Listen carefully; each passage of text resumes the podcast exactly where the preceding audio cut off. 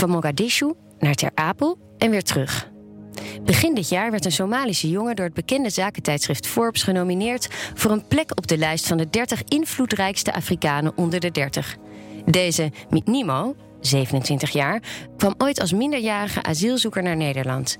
FD-redacteur Karel Grol sprak hem een aantal keren en schreef zijn verhaal op. Rob de Lange leest het resultaat voor. Hij was wel eens eenzaam als hij op zijn kamer zat. Weer een kamer. In een asielzoekerscentrum. Waar heeft hij allemaal gewoond? Waar niet? Maar hij kan het rijtje zo nog opdreunen. Ter Apel, Burgum, Oude Pekela, Assen, Winschoten, Winterswijk, Tilburg. In twee jaar tijd. Somaliërs zijn van oudsher een nomadenvolk. Maar dit was wel erg veel. Zijn zwerftocht kwam ten einde in Nijmegen. Henksdal. Een mooie buurt dicht bij het centrum. Hier kreeg hij een woning toegewezen van het Centraal Orgaan Opvang Asielzoekers. Nijmegen, waarom niet? Nog in 200.000 mensen, een rivier en wat heuvelachtig. Het contrast met zijn geboortestad was immens. Mohamed Bashir Osman, Nimo noemde hij zichzelf, wat Somalisch is voor eenheid en een eerbetoon is aan zijn vader, die dezelfde bijnaam had, komt uit Mogadishu, de parel van de Indische Oceaan. Bekend om de Italiaanse architectuur, een van de mooiste steden van Afrika. Althans, dat was het ooit. Nimo vertrok er toen hij 17 was. Zijn hele leven had hij oorlog gekend. Soms rustiger, soms heftiger, maar altijd dreiging. Somalië kreeg de twijfelachtige eer het schoolvoorbeeld te zijn van een failed state. Er was geen centraal gezag. Al sinds 1991 vochten verschillende clans om de macht. Of zoals het Nederlandse ministerie van Buitenlandse Zaken nog altijd op zijn site heeft staan: er is onduidelijkheid over welk rechtssysteem van toepassing is. Somaliërs zijn vermaard om hun poëzie, maar de laatste 30 jaar laten zich lezen als een elegie. Weg moest met Nimo dus. Hij is de oudste van een gezin met zeven kinderen. Zijn familie had gespaard. Iedereen had geld bijeengelegd en zo was er een ticket gekocht voor een reis naar het buitenland. Een enkele reis, want in Somalië was het onveilig. Hij moest weg, hij kon weg. Op zoek naar een beter bestaan, een veilig leven. Via Dubai vloog met Nimo. Waarheen? Het had Engeland kunnen zijn, Zweden of Oostenrijk. Het werd Schiphol. Toeval. Het was een reis zonder strategie. Althans, hij had niemand om naartoe te gaan. Somaliërs zijn vanwege de oorlog uitgewaaid over de wereld. Nederland heeft een grote Somalische diaspora, maar met Nimo kende er niemand. Geen familie, geen vrienden, geen vage bekenden en hij moest nog 18 worden. De eerste tijd had hij het druk. Met leven en overleven.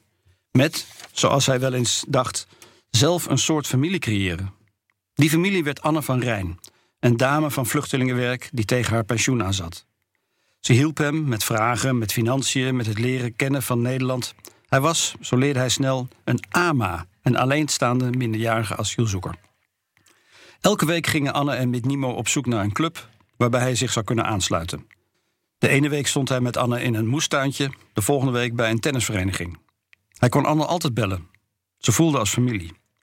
Uiteindelijk ging met Nimo tafeltennissen. Stond hij daar, in het buurtcentrum.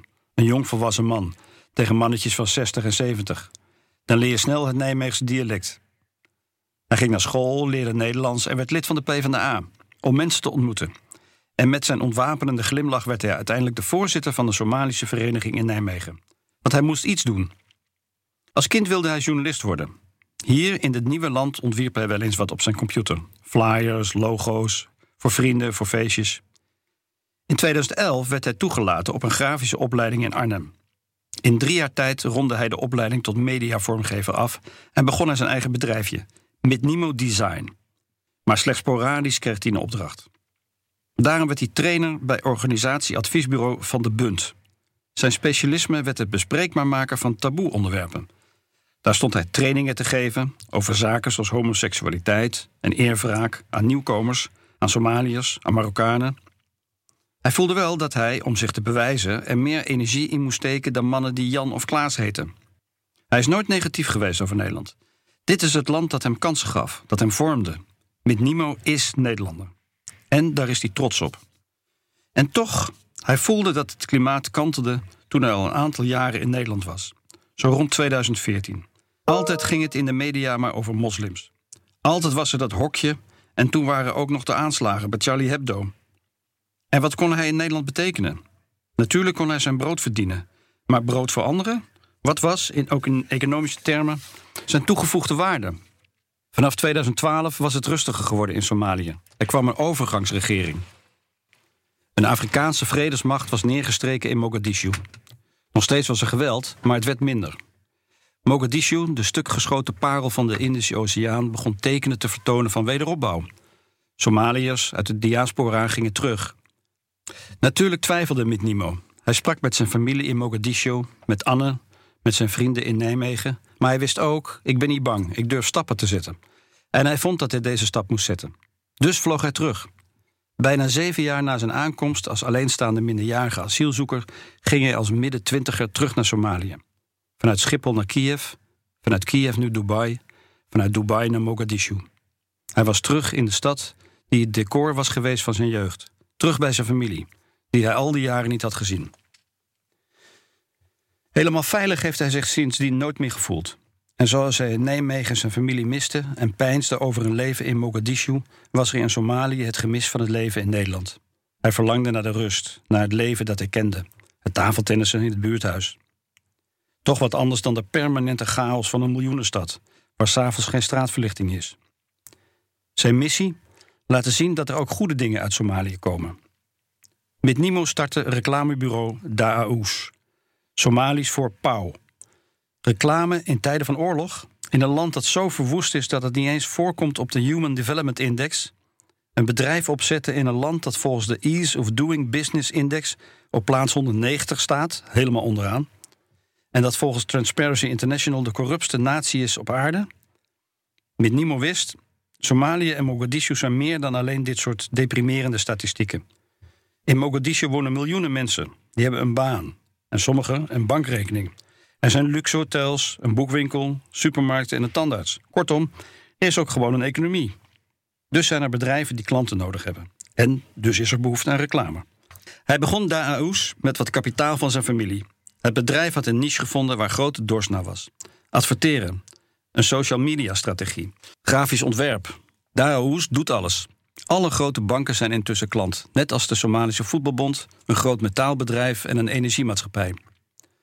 Met Nimo moest personeel aannemen en trainen, want in Somalië is geen opleiding voor grafische vormgeving of sociaal media stratege. En toen werd het oktober 2017. Nimo was iets minder dan twee jaar terug. Hij kreeg, zoals iedereen in deze stad, de oorlog wel mee. Al-Shabaab, een radicaal-islamitische terreurbeweging, pleegde aanslagen vooral op hotels en restaurants. Plekken waar machthebbers en buitenlanders zijn. De dreiging van aanslagen is een deel van het dagelijks leven in de hoofdstad van Somalië. Nu hoorde Mitnimo een hardere knal dan ooit tevoren. De ramen van zijn kantoor sprongen. Dit was de grootste bomaanslag ooit in Mogadishu. Een wagen met explosieven was tot ontploffing gebracht in het centrum, naast een tankauto. 587 mensen kwamen om: mannen, vrouwen, kinderen. De inwoners van Mogadishu, toch wel wat gewend en in zekere zin immuun voor geweld, waren in shock. Toen Nimo enkele uren na de aanslag hoorde waar de bom was afgegaan, dacht hij: Een half uur eerder stond ik exact op die plek, met mijn grijze Toyota, muurvast in de file van het chaotische middagverkeer. Op een plek die 30 minuten later zou veranderen in de hel. Het scheelde een half uur. Na drie dagen van nationale rouw en na, voor het eerst, grote protesten tegen Al-Shabaab ging het leven weer door. Twee maanden na de aanslag ontwerpt Minimo de strategische communicatie voor Amin Ambulance, de enige gratis ambulancedienst van Mogadishu. De bleef groeien. Online campagnes, billboards, nieuwe klanten, nieuwe medewerkers. Minimo verhuisde naar het centrum, dichter bij zijn kantoor. De zaken floreerden. En toch is het geweld nooit ver weg. Op 2 augustus 2018 werd Mohammed doodgeschoten. Een goede vriend van Mitnimo. Mohammed Mahamoud Sheikh. Hij was de eigenaar van de eerste bloemist en de eerste stomerij in Mogadishu. Ook een Somaliër uit de diaspora. Teruggekeerd vanuit Italië naar Mogadishu om de stad na alle ellende weer te helpen opbouwen. Tot dan toe brachten inwoners van Mogadishu hun kleren naar Kenia om ze te laten reinigen. In de door jaren van oorlog murf gebeukte stad waren zoiets ogenschijnlijk triviaals als een stomerij en een bloemist tekenen van normalisering. Een zucht van verlichting in de eindeloze misère dat het toch kon. Iets van gewoon leven in deze oorlogspuinhoop. De moord op Mohammed, de jongen die de belichaming was van de hoop, is nimmer opgelost. De eerste gedachte was dat Al-Shabaab hierachter zou zitten. Maar die groep claimt zijn slachtoffers. Een gewone moord kan het ook zijn.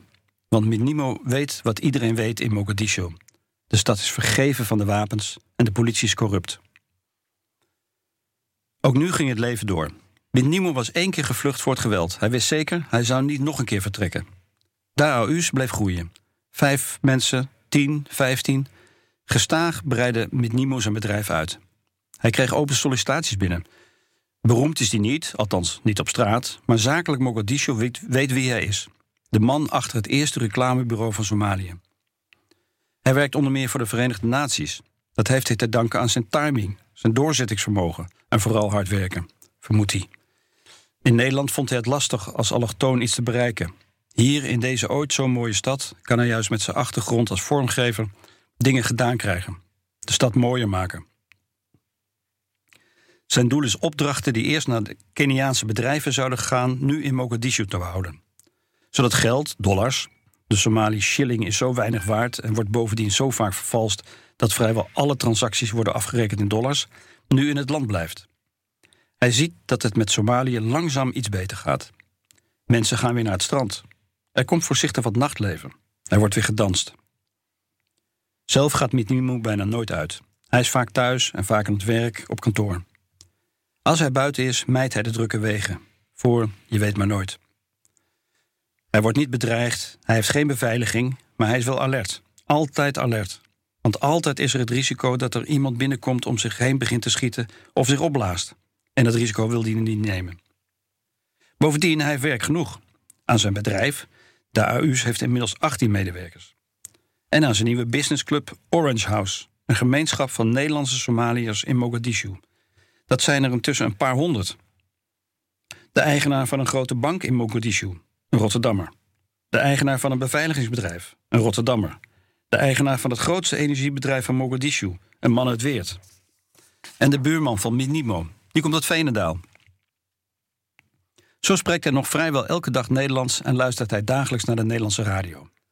Nederlandse hip-hop van Seven Alias en Broederliefde. Af en toe vertaalt hij hun teksten voor zijn vrouw, die niet in Nederland heeft gewoond. Maar hij blijft in Mogadishu.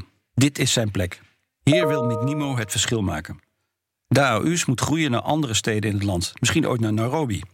Onlangs nomineerde het internationale zakentijdschrift Forbes hem voor de befaamde lijst 30 under 30 Africa. Criteria: je moet jonger zijn dan 30, merken bouwen, banen creëren en het continent vertegenwoordigen en transformeren. Genomineerden moeten eigen geld hebben ingelegd in een bedrijf dat een sociale component moet hebben. Ze moeten winst genereren en ze moeten mensen in Afrika in dienst nemen. Hij kan erom lachen, met zijn brede glimlach. Natuurlijk hoopt hij dat hij op de lijst zal komen. Zou mooi zijn. Of hij het wordt? Hij zal het wel zien. Zijn doel is mensen te inspireren. Dat Forbes hem heeft opgemerkt, is daar wel een bevestiging van.